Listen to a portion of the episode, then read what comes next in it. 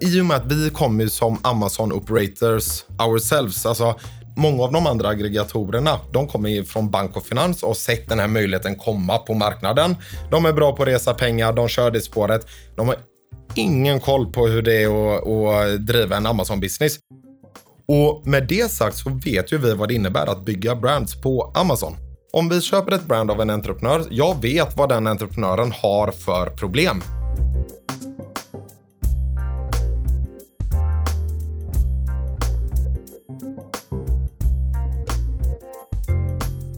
GoNorth är Sveriges första Amazon-aggregator som köper upp varumärken på Amazon av tredjepartssäljare. Med insikter om hur man bygger varumärken på Amazon, smarta processer och kapital räknar GoNorth att nå miljarder kronor i omsättning på tre år med lönsamhet. Det har gått fort. Förra året startade GoNorth helt datadrivet sitt första varumärke på Amazon i USA. Sedan i december har de köpt ytterligare tio varumärken på Amazon och planerar att köpa ett nytt varumärke i veckan för att nå 100 miljoner kronor i omsättning redan i år.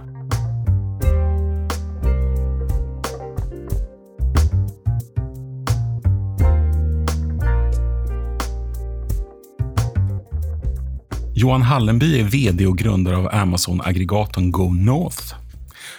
Tack för att jag fick komma hit idag. Tack själv, tack för att jag fick komma. Ja, jag är i Göteborg, faktiskt i Feskekyrkan till och med. Så det är riktigt så legendariska områden här. Men det är inte på ditt kontor vi sitter, eller hur? Nej, eh, faktiskt inte. Nu sitter vi i en av Stenas eh, fastigheter. Eh, så jag var här på lite lunchmöten tidigare mm, idag. Mm, mm. De, de investerar i din eh, Amazon-aggregat? Precis, stämmer. En, en av investerarna. Ja. Du, du har ju, anledningen till att jag vill träffa dig är för att du gör ju något helt nytt i Sverige, eller mm. hur? Ja, men det stämmer. Du, du, du startar en så kallad Amazon-aggregator. Vi kanske ska börja med lite kort bara säga vad det är innan vi går in på din bakgrund och sådär. Ja, men precis. Så en Amazon FBA-aggregator är en spelare på marknaden som fokuserar på att förvärva just eh, brands som har sin försäljning via Amazon som marketplace. Eh, så vi förvärvar dem eh, och sen då efter eh, förvärvet så har vi ett operations team som tar hand om brandsen och fortsätter få dem att växa och optimera de här brandsen för att de ska kunna lyckas ännu bättre på Amazon. Det kanske inte alla känner till som inte jobbar aktivt med Amazon själva, men, men på Amazon så finns det väldigt mycket egna varumärken som egentligen bara finns på Amazon, eller hur? Precis, så det finns det finns lite olika siffror på detta, men de senaste jag såg så finns det en och en halv miljon till två miljoner aktiva tredjepartssäljare, så kallade third party sellers. Eh, och de här står för under 2021 stod de för ungefär två tredjedelar av all försäljning som sker på Amazon Marketplace Worldwide. Ja. Och de flesta av de här, de har egna varumärken eller, eller, eller säljer de andras varumärken? Då? Eh, nej, både och, men framförallt sina egna. Och det här är en stor del av också Amazon Marketplace tillväxt. Eh, så om man tittar på procentdelen av omsättningen som sker på Amazon som Marketplace så ökar ju också tredjepartssäljarna eh, kontinuerligt år, från år till år. Mm. Jag tänkte bara innan vi riktigt borrar ner oss i det här med, med, med aggregatorer på Amazon. Bara lite kort höra om din bakgrund. Vad jag har förstått så har du startat ett antal bolag. Ja, det stämmer. Eh, framförallt har vi väl drivit ett träningsföretag eh, tidigare som vi sålde för ett par år sedan. Eh, sen så har jag varit med från andra sidan, så jag har varit med och gjort eh, med väldigt lite pengar men ändå investerat i några andra startups. Inom e-handel också eller? Eh, nej, faktiskt inte. eh, eh det har varit eh, andra bolag, allt från telekom till fashion, varit väldigt, väldigt spritt. Några andra liksom, techbolag och så. Men som varit med på från alla sidor, vilket jag tror är väldigt bra i det vi gör nu då. Eh, vad, vad lärde du av att vara investerare då som du har nytta av nu när du håller på att bygga ett eget nytt bolag? Nej, men det är lättare för mig nu för vi reser ju mycket pengar. Och vi har både nu då e-equity som ju är vår lead investor i den här sidrundan som vi precis stängde. 77 miljoner fick ni in? Eller? 77,5 exakt. 77,5. Det är viktigt. Ja. Sista 500 där ska vi inte glömma. Men precis, så det, och det är väldigt roligt för vi är väldigt nya. Så vi lyckades ta in väldigt mycket pengar eh, för att vara så här nystartade. Men det visar ju också på att investerarna eh, förstår det vi gör och tror på det vi ska genomföra. Men vi har också ganska många, i och för sig väldigt tunga eh, affärsänglar som också går in som mer eller mindre är professionella investerare, även om någon då, e-equity är ju ett eh, private equity-bolag. Väldigt eh, framgångsrikt ska vi säga. Eh, väldigt så. Och jag tror att många som lyssnar på den här podden känner till dem, för de har ju många stora e-com-brands i sina ja, portföljer. De har varit med i podden två gånger själva. Ja, ja, du, ja du ser. Ja. ja, jag missat. Får jag, ja. får jag lyssna ikapp lite här nu då? Nej, men så... Så eh, med det sagt, så det perspektivet jag kan kanske ha med lite bättre är ju att man har varit på den sidan bordet och har man investerat i något annat, eh, någon annans bolag. Så jag hoppas att det blir enklare för mig nu att ta liksom investerarperspektiv på den här affären. Och på grund av det kunna komma snabbare framåt helt enkelt. Mm. Men vad jag förstått så har det varit en process för dig, för du började egentligen som att du startade egna varumärken själv på Amazon vid sidan om ditt vanliga dagjobb, eller hur? Precis, så det var under 2020. Så det är så nära i tid alltså? Ja, det, ja så, så är det. Och, och sanningen är dessutom så att det första som hände när vi skulle lansera vårt första brand på Amazon, så blev vi deactivated från Amazon. Så Varför vi, det? long story kort, men jag ville lansera första brandet på Amazon i USA. Eh, och ibland är Amazon jättesimpelt och ibland är Amazon som en stor svart låda. Och jag skickade in alla papper som behövdes för att få då tillgång till mitt amerikanska eller central account. Eh, gjorde det, eh, tryckte till och med på knappen, beställde mina första produkter eh, från Asien. Eh, var på väg att skeppas över till USA där jag får meddelande att mitt konto har blivit deaktiverat. Och vet, som ny tredjepartssäljare på Amazon har jag ingen aning om någonting. Eh, så bara, jaha, vad, vad, är det här nu då? Eh, hade du hört talas om att folk hade... Att, jag hade nog läst det ja. någonstans och på någon forum och hört det på några utbildningar, men jag förstod ju inte vad det skulle innebära. Men det här var väldigt bra visade sig i efterhand. Jag, jag var alltså deaktiverad i fem månader. Fem månader? Men varför då? Jo, för att eh, jag kunde inte bevisa min svenska hemadress genom en gasbill som Amazon efterfrågade. Och vi har ju inte gasbills i Sverige på det men sättet. Du kunde inte skicka en elräkning då? Jo, men eh, det var ju en process att få då Amazon, eh, dels först och främst komma fram till rätt kontaktperson på Amazon som kunde hantera det här. Det tog ett tag. Till skillnad från nu då, nu vet vi exakt hur vi ska hantera liknande då issues som dyker upp. Men då, jag hade ingen aning om det. Så skickade in mina sådana här requests i helt fel kanaler inom Amazon. Man får ju ha respekt för att Amazon är ett väldigt stort bolag eh, där det är många olika layers att ta sig igenom. Så, men men så vi, jag höll på med det där då fram och tillbaka. Så det, det tog fem månader innan det öppnades upp igen. Oj.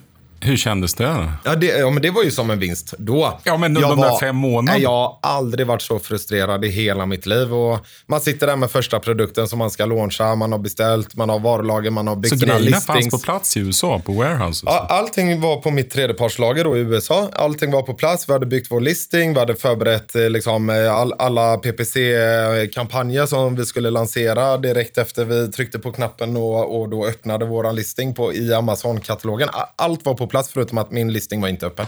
Det gick inte. Eh, och det var väldigt frustrerande. Men med facit i hand, det var galet bra för så mycket som jag hann liksom studera, jag gick jättemycket onlineutbildningar, jag gick med mängder av sådana här eh, Amazon Mastermind-nätverk för att hänga och umgås mer digitalt men med andra Amazon-säljare. Så jag tror att jag har lagt extremt mycket tid på att faktiskt lära mig hur man blir en bra Amazon-operator. Och hade jag launchat direkt så hade jag ju såklart lagt all min tid på att få produkterna att växa så mycket som möjligt och att brandet ska bli så lönsamt som möjligt och börja jobba in variations och kanske launcha nya brands och så. Men nu kunde jag inte det. Men jag vill ju lägga all min, min fokus på Amazon och lära mig så mycket som möjligt om det. Så det tvingade ju mig in i min egna Amazon-skola. Eh, så det, det, det tackar jag ändå Amazon för idag.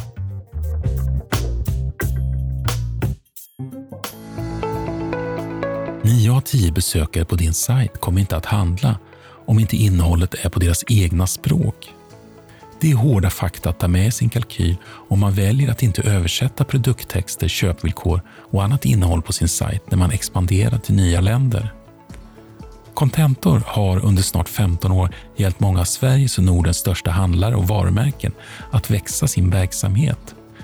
Contentor skriver text och gör översättningar till fler än 40 språk. Med integrerade lösningar och smarta tekniska system effektiviserar Contentor hela flödet av produktion av innehåll och den översatta texten. Prata med Contentor om du planerar att expandera till nya marknader eller har utmaningar i er produktion av lokaliserat innehåll. Gå in på contentor.se och läs mer.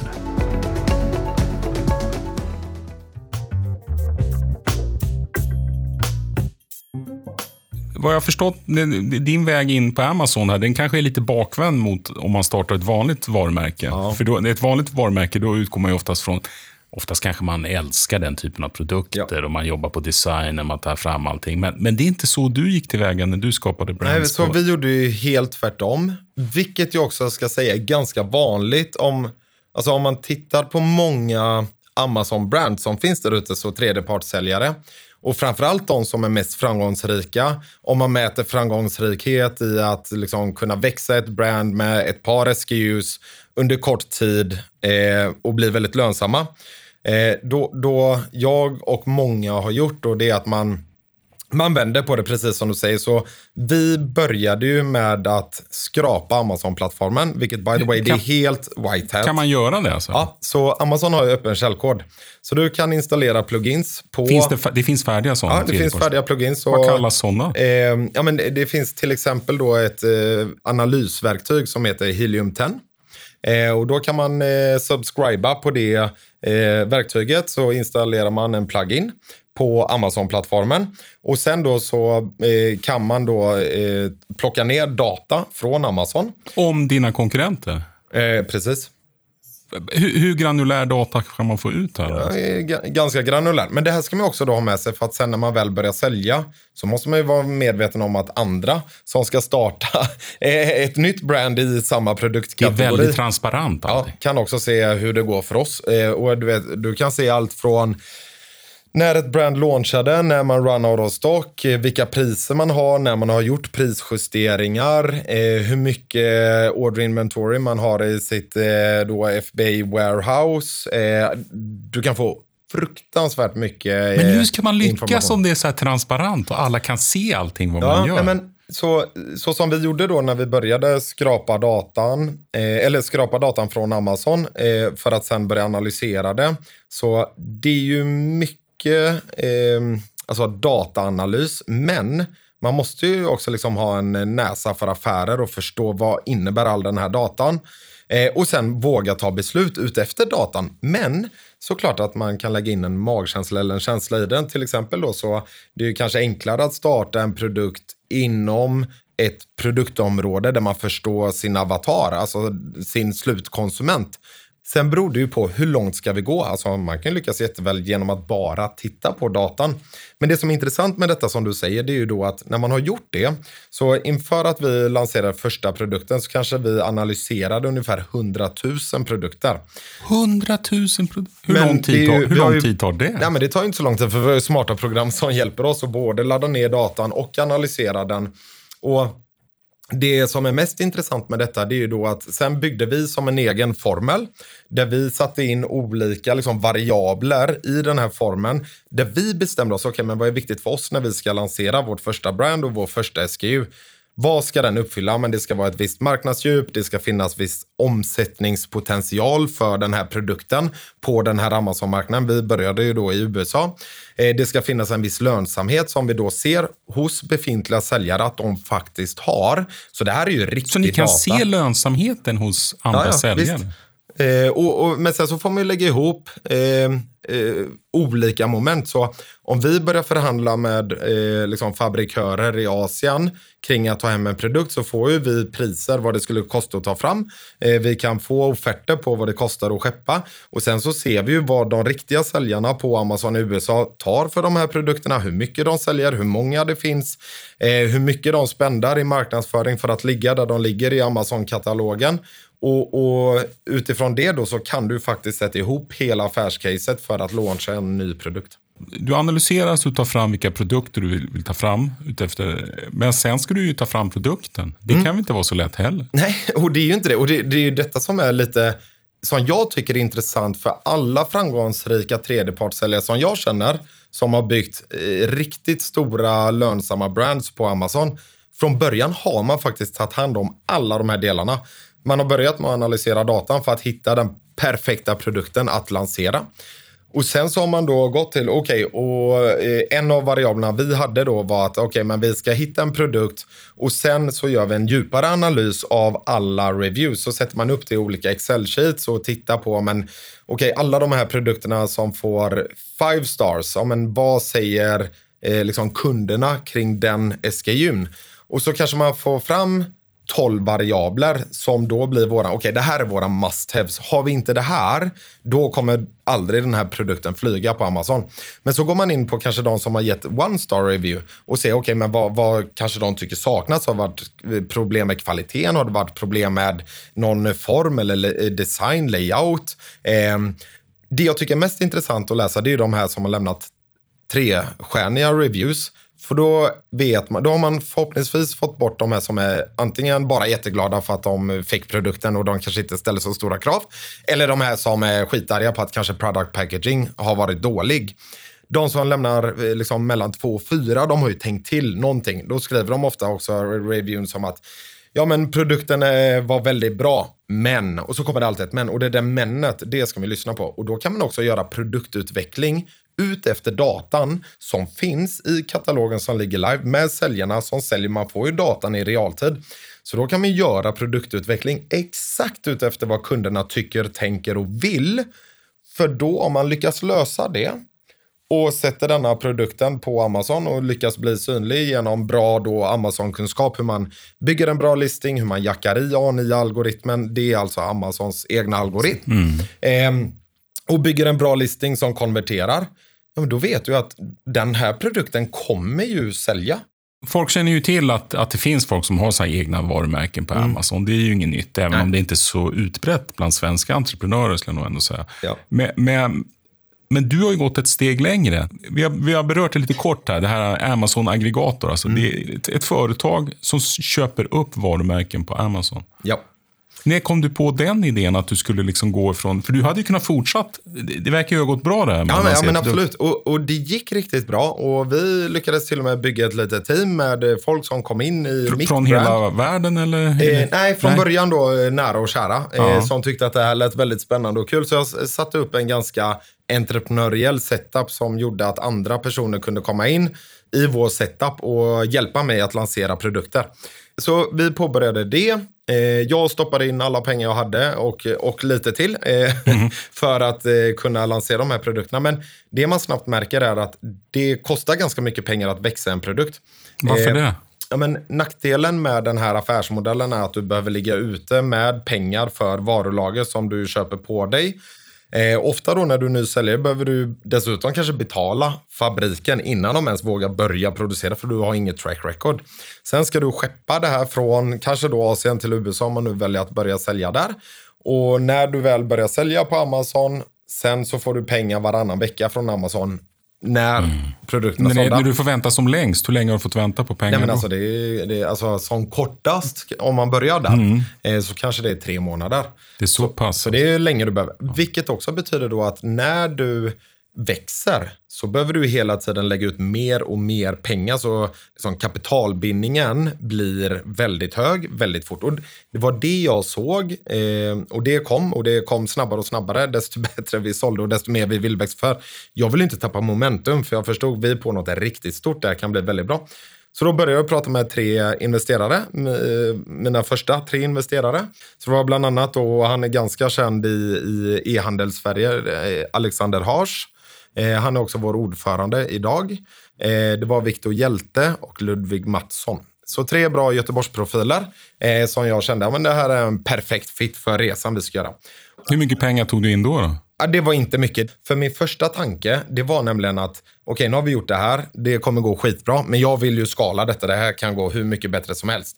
Men jag har använt alla mina pengar och lite till. Nu, nu, nu behöver jag hjälp. Så då ringde jag de här tre herrarna och de tyckte det var jätteintressant och alla möten och allting gick väldigt fort. Så då gick de in med lite pengar, egentligen bara för att vi skulle skala upp då försäljningen inför Q4 och nu är vi alltså inne i 2021 då. Eh, så de gick in med lite pengar. Vi eh, kunde köpa på mer då order inventory för att skicka till Amazon i USA. Det är hela tiden bara i USA? Ja, det är mm. än så länge. Yes.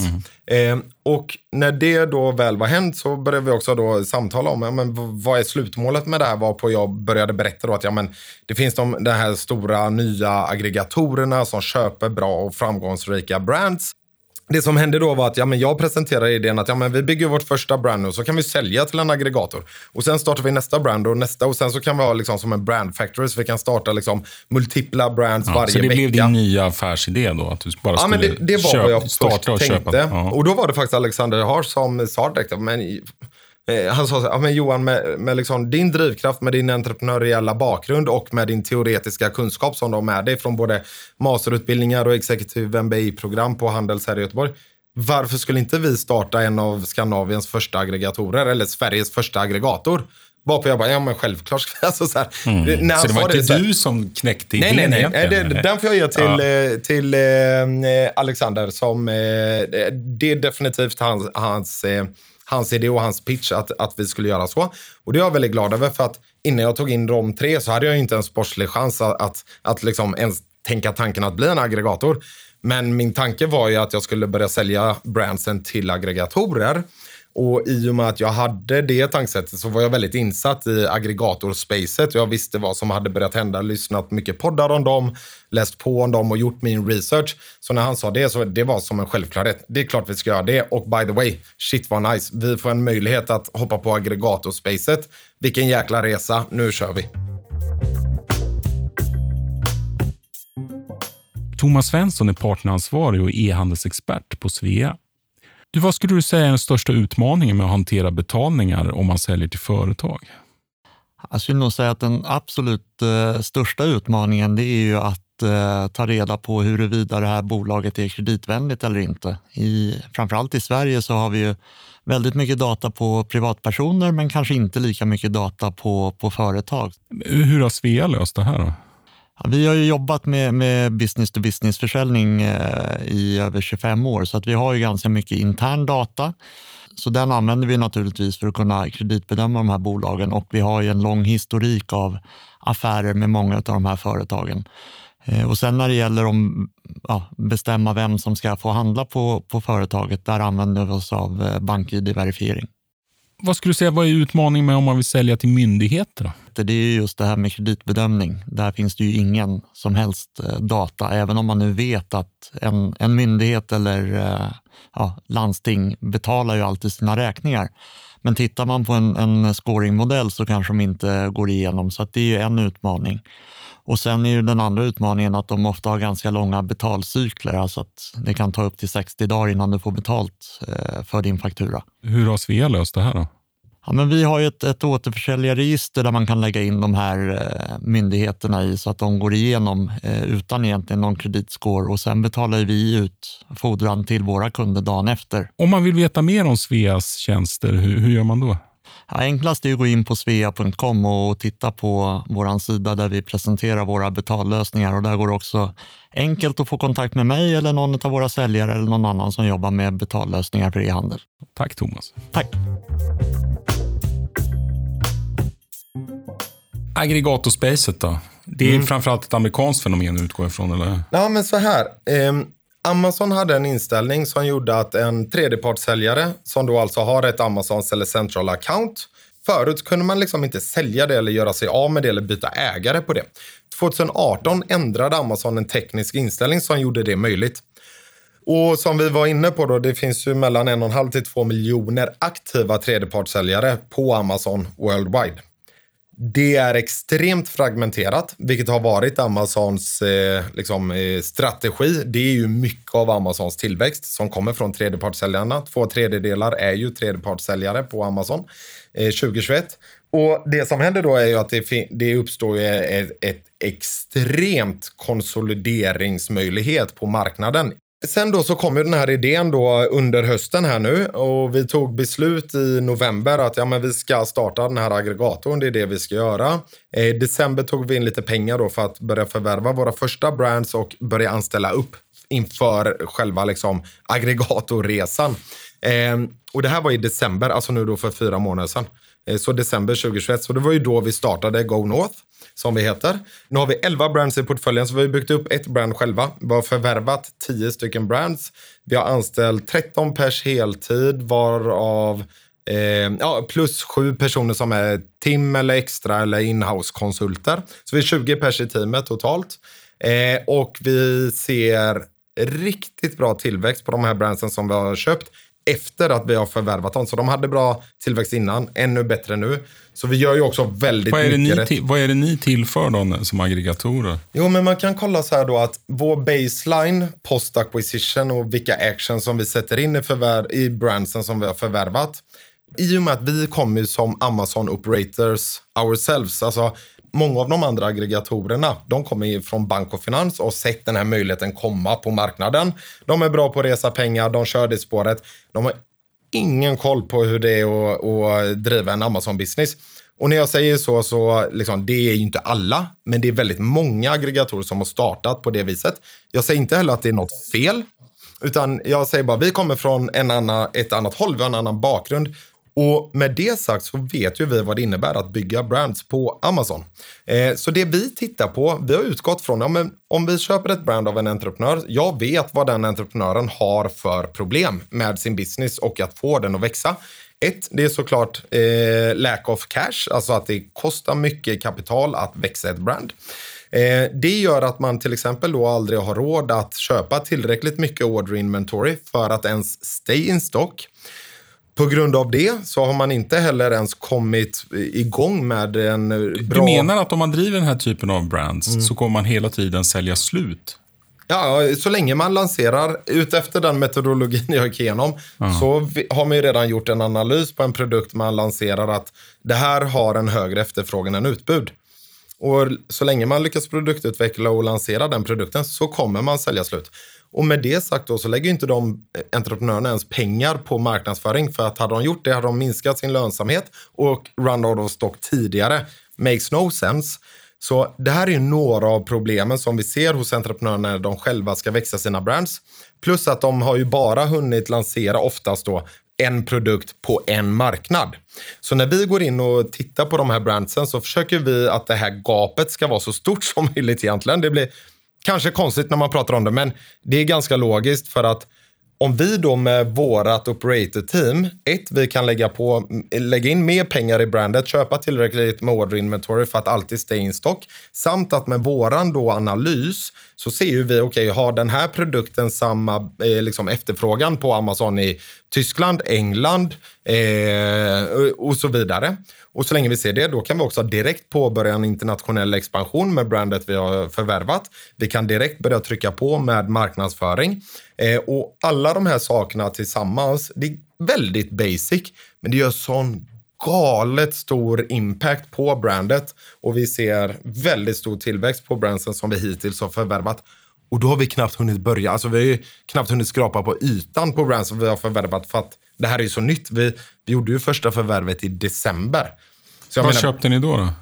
Eh, nej men vi, vi, vi, har köpt lite olika brands i, i några väl utvalda produktkategorier som vi känner att vi gillar mer än andra.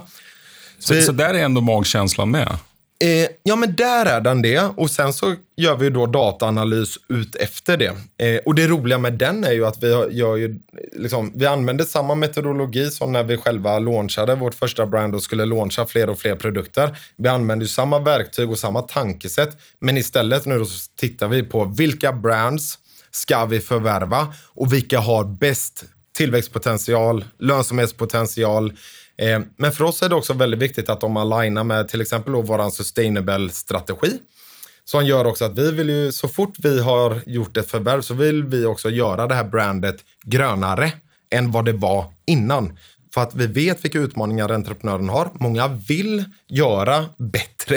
Eh, men kanske vare sig har kapitalet till det eller kunskapen om det. Så, så för att liksom sammanfatta lite, både ni, dels så, så, trycker ni in pengar så det möjliggör att man kan köpa fler varor och man kan kosta på sig marknadsföring. Men sen eh, förädlar ni också varumärket i sig och produkterna. Ja men absolut och, och jag menar vi har ett riktigt bra vast operator team som verkligen kan Amazon, som sitter med det här heltid.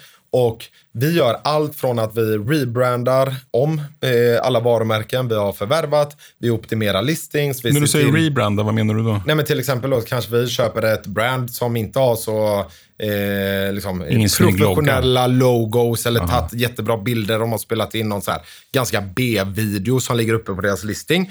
De har oftast inte ens förstått hur man liksom SEO-optimerar på Amazon-katalogen så att man får en bra organisk eh, placering. Man har av naturliga skäl då inte ens påbörjat med liksom annonsering för att man inte ens kommit dit.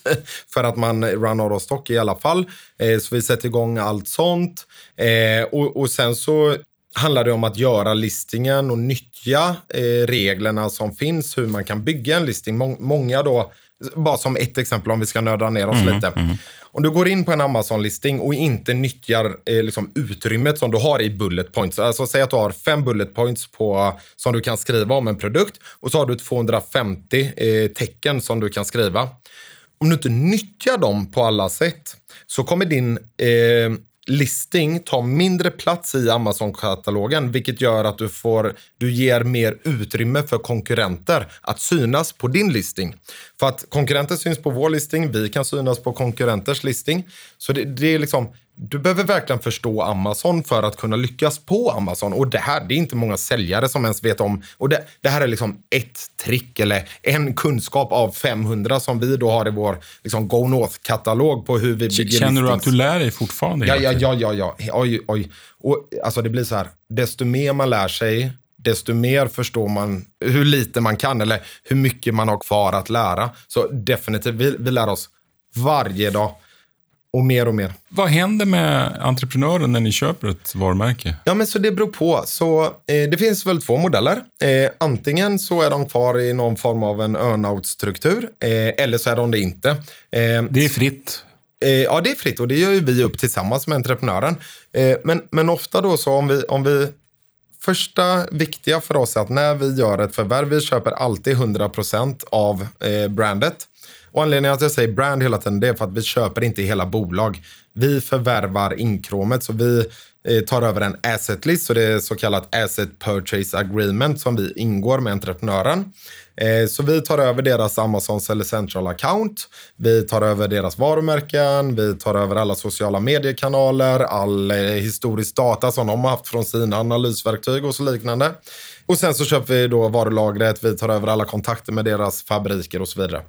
För oss blir det viktigt att vi köper 100% av brandet och det är vi som sen ansvarar för det. Så vi tar kontroll av det, vi äger det, vi opererar alla våra brands. Men ibland då så sitter en entreprenör på andra sidan som ju älskar sitt brand, eh, kanske sin produkt, eh, älskar Amazon-spacet och skulle gärna vilja fortsätta bygga brandet vidare och har kommit underfund med att ja, men, jag har kommit på någonting så stort som har så hög efterfrågan, men, så, eh, men jag har sånt litet utbud för att jag eh, har inte mer egna pengar att sätta in och man kanske inte vill ta banklån eller ta in pengar, ta in investerare. Eh, så de ser att ja, men det här kommer vara bättre i någon annans händer och vill låta sin baby gå vidare. Eh, och det är en perfekt entreprenör för oss att ha med då i en earnout-struktur. För då hittar vi också väldigt bra kunskaper ofta hos den entreprenören vad de är bra på. Ofta då så kanske de har liksom, tio idéer på product variations som de vet. När som du de, säger product variation, vad menar du med det? men det kan vara att man eh, gör samma, man tar samma SKU, samma produkt, men man lanserar den i nya färger eller nya former. Eh, eh, liksom lite ny funktion, helt beroende på vad det är för produkt. För att de har så bra idéer och de är så insatta i sin produktkategori. Men de har kanske inte ens hunnit med det för att de har tagit hand om sourcing, produktutveckling, eh, shipping, marknadsföring, eh, listing optimizations. Och då är det perfekt för då kan vi ta över allt det och så kan entreprenören fortsätta jobba med oss men bara göra det den själv vill. Och så har vi då en earnout-struktur där man till exempel kan dela 50-50 på all net profit growth post acquisition. Så vi betalar en summa pengar upfront för entreprenören som den får.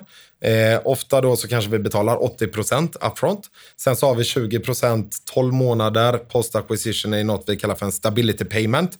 Det är mer för att veta att inget har gått jättefel eller så här, migration har funkat och så vidare. Eh, och sen då så har man en earnout-struktur så ofta vet ju entreprenören att med rätt operations team på plats så kommer det här växa så här mycket. Och så är de med på det och så delar man på den fina uppsidan. Mm, mm.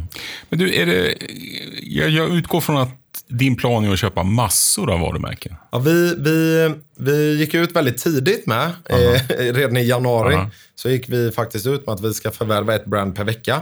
Har ni eh, gjort det? Då? Ja, men vi, ja, nästintill. Mm. Eh, för vi har nu då 11 brands i portföljen och det har ju sen i januari då gått eh, ja, lite mer än 12 veckor. Eh, men, men, men så vi ligger där. Men det som också har hänt är att vi faktiskt har köpt lite större brands än vad vi då också trodde. Så påsen pengar vi har förvärvat brands för, där ligger vi före.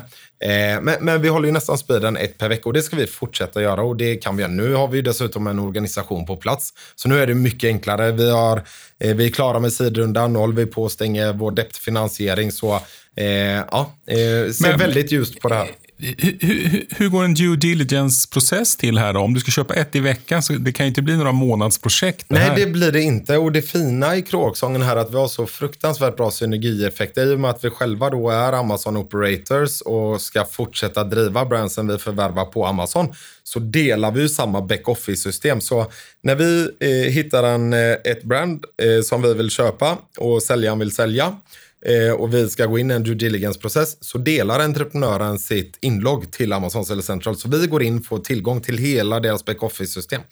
Vi ser ju då entreprenörens Amazons eller Central account som datarummet om man pratar riktiga ma termer Så i vanliga fall om man ska sälja ett brand eller ett bolag så lägger man ju upp med jurister eh, all, alla kontrakt eh, och allting i ett dator, alltså ett virtuellt datarum som köparen sen kan sätta sina ma jurister på att gå igenom för att sen komma till ett bud. Det här är ju liksom processer som tar flera människors heltidsjobb och månader av förhandling och analys av det. Och, i vår värld så går allt mycket snabbare. Så har vi gjort rätt liksom, eh, due diligence innan vi ens får tillgång till Amazons eller central-accountet så kan vi slutföra en affär på 24 timmar. Men vi sätter ofta 30 dagar för att vi vill göra djupare analys, vi vill ha chans att prata med entreprenören för att för oss handlar det mycket mer om vad vi kan starta hos entreprenören som eventuellt ska göra en exit till oss. Vad är det för process vi kan starta hos entreprenören? Vad betyder det för entreprenören? Ska den starta nya brands på Amazon? Ska den göra något helt annat? Har den kämpat och slitit i fem år utan att plocka ut en enda krona i och med att all cash man eh, genererar ofta går in i att köpa mer produkter för att fortsätta växa.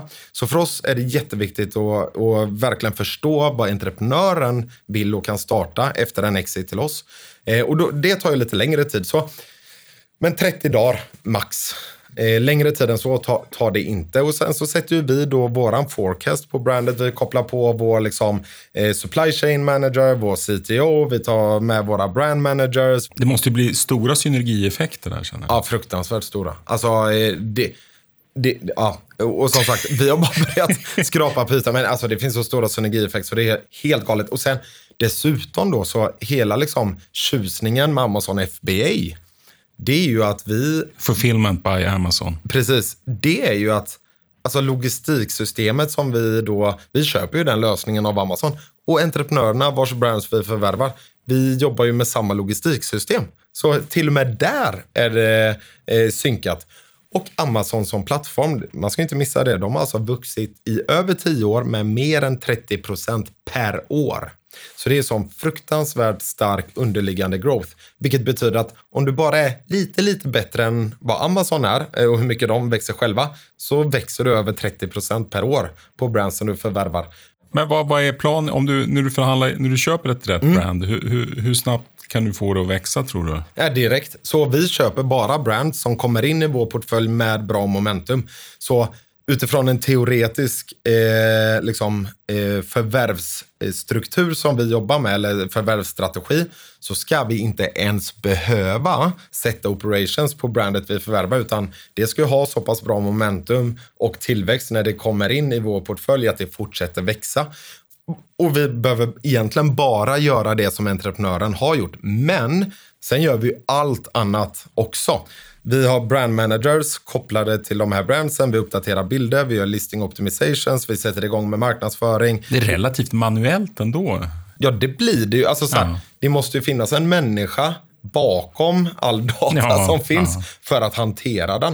Eh, men sen blir det väldigt eh, effektivt. Om man kollar liksom hur många FTEs, alltså hur många huvuden i vår organisation vi behöver för att ta hand om ett brand, så är det inte många. Hur mycket lägger ni ut på, på konsulter och sånt? Hur mycket gör ni själva? Liksom? Ja, men nu I början så har vi lagt ut väldigt mycket på konsulter för att också ha en flexibel modell och kunna både skala upp och ner. Det vi nu gör, nu har vi anställt då 13 pers heltid sedan i december. Och Sitter vi... alla i Göteborg? Eller? Nej, det är lite olika. Eh, Göteborg och Stockholm. Men vi har även några medarbetare utomlands.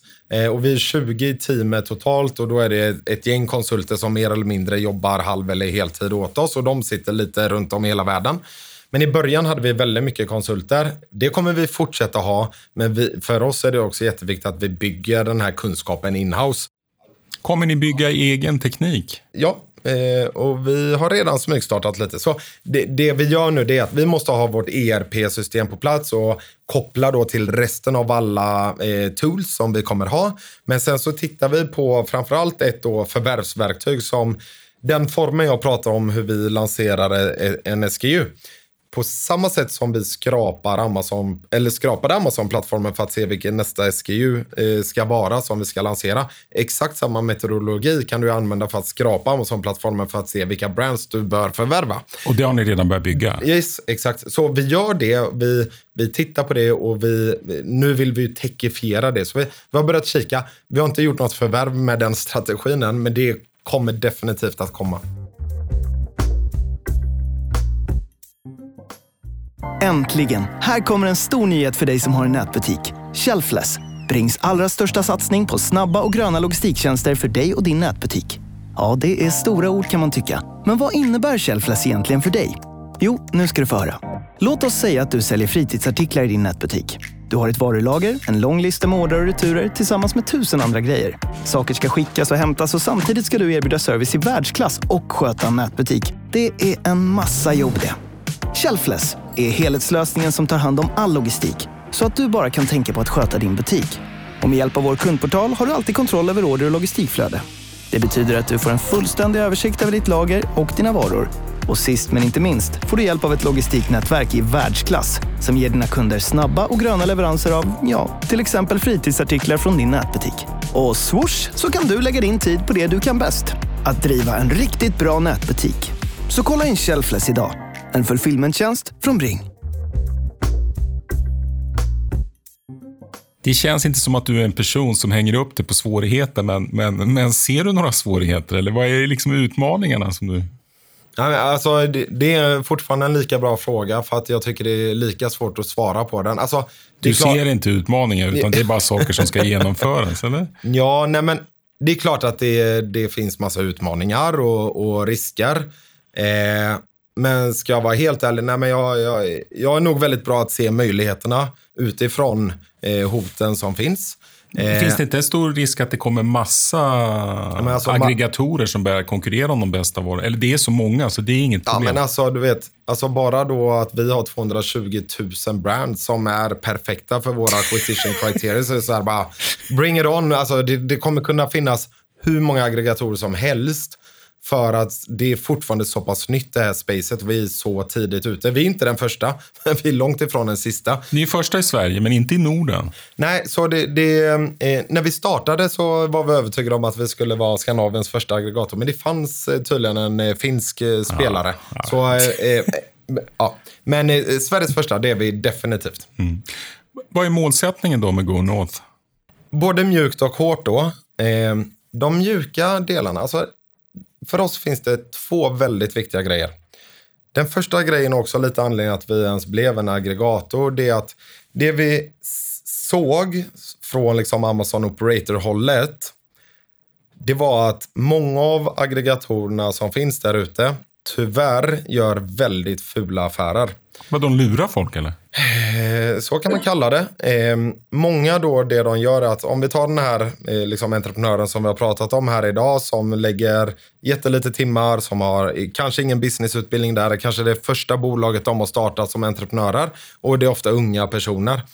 Ehm, så kommer stora aggregatorer som har liksom, eh, jättemycket bank och finansfolk i sina egna jurister och så vidare så kommer de med jättehårda avtal till entreprenörerna som de ett, inte har råd att ta hjälp att granska, två, inte förstår, tre, inte har någon tid att ens läsa igenom. Eh, de får ändå entreprenörerna att signera. Eh, de kanske blir utlovade jättehöga multiplar för att sälja brandet till just eh, den här spelaren. Det som sen händer är att man lägger betalningar mycket senare om XYZ har hänt. Det är inget problem att göra det, men det som sen händer när de har signat pappret och aggregatorn äger brandet legalt, det är att de då väldigt medvetet sätter så mycket pengar på marknadsföring och trycker ut så mycket ads så att man drar lönsamheten i botten. Och, så att de inte får ut de där multiplarna. Ja, och då efter de här 12 månaderna, nej men vi har ju inte ökat något med liksom net profit growth. Så du kommer inte få din earnout. Och då kanske man har hängt upp halva liksom, betalningsmodellen i en earnout-struktur. Det, det är jättevanligt, tyvärr. I mitt entreprenörshjärta, alltså jag blir nästan tårögd nu när vi sitter här. Eh, det gör så jäkla ont eh, att någon kan göra så liksom. Så det betyder skitmycket för oss alla och alla som jobbar i Go North. Det här är riktigt viktiga värden. Så vi ska bli en friendlier aggregator. Det är ett jätteviktigt värde för oss. Eh, där vi tillsammans med entreprenören ska göra en win-win och verkligen liksom, göra det bästa av situationen. Där vi vill nyttja entreprenörens kunskap och kompetens. Ni ska vi, dra åt samma håll bägge Vi är övertygade om att vi har minst lika mycket att lära av entreprenören som entreprenören har av oss. Men vi har finansiella muskler, vi har liksom ett helt team, operations med mera på plats. Tillsammans med entreprenörens kunskap om sin produkt och sitt brand och vad den tror blir bäst så kan vi göra det sjukt bra ihop och då ska den få betalt och det ska vara fair. Hur stora är de och hur mycket kommer ni betala för dem? Ja, så eh, det beror såklart helt på, som alltid. Ja. Men, men det vi ser i branschen... Bara intressant att veta hur mycket ja, pengar det handlar om. Ja. Nej, men så det vi ser i branschen det är ju liksom eh, köpmultiplar på mellan 3 till 6. Alltså omsättningen? Då? Eh, nej, och då tar Vinsten. man då på deras vinst eller deras ebitda eller deras net profit. Eh, och så gånger den multipeln. Och så kan man sen också utöver det lägga på earnout-modeller och sånt. Men sen så beror det på för att Vissa brands växer mer än andra, de kanske har kommit längre, man kanske får andra synergivärden och då kan ju multiplarna också bli högre. Men det är det vad vi ser som branschstandard. Och, och med tanke på de ni är intresserade för, mm. vad handlar det om i liksom klump i pengar, rena pengar. Ja, men så om man tar ett brand som, säg, säg som ett exempel, ett brand som omsätter en miljon US-dollar senaste 12 månaderna och så säger vi att den har eh, 25 procent på sista raden. Nu gör jag det väldigt mm, enkelt för mm, oss. Ja, det, det, är bra så att jag det hänger med. Det är 250 000 US-dollar på sista raden. Om vi köper dem för en multipel på fyra, då är vi tillbaka på en miljon US-dollar. Så får de sin omsättning gånger ett, eller då sin vinst pengar. gånger fyra. Det är ändå lite pengar. Det är pengar. Ja. Eh, så eh, om dollarkursen hade varit 10 då, så hade ju det förvärvet varit 10 mm. miljoner SEK. Du Johan, eh, vi har faktiskt pratat längre än jag trodde redan ja. här. Jag kände att jag, jag... Men vill du inte höra de hårda värdena också? Jo, det vill jag. För det går snabbare också. Det, det vill jag, det vill jag, men... ja, säg de hårda ja, värdena.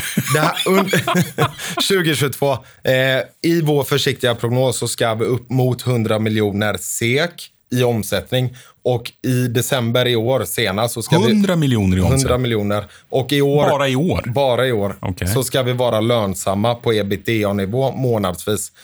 Under nästa år eh, så ska vi närma oss miljarden och vara lönsamma över alla 12 månader. Och senast då år tre så ska vi vara över miljarden och vara väldigt lönsamma. När blir du en eh, unicorn då? Ja, men alltså egentligen då så borde vi ju vara det nu? Eh, eh, nej, men så här. Jag menar, det finns folk som har gjort det galet fort. Det finns folk som har gjort det under månad 12 och så vidare. Men, men jag, jag, tror inom tre år så är det väldigt konstigt om vi inte skulle ha lyckats med det. Johan Hallenby, vd och grundare av Amazon-aggregaten Go North. Superkul att prata med dig. Tack ska du ha. Tack så jättemycket för att jag fick komma.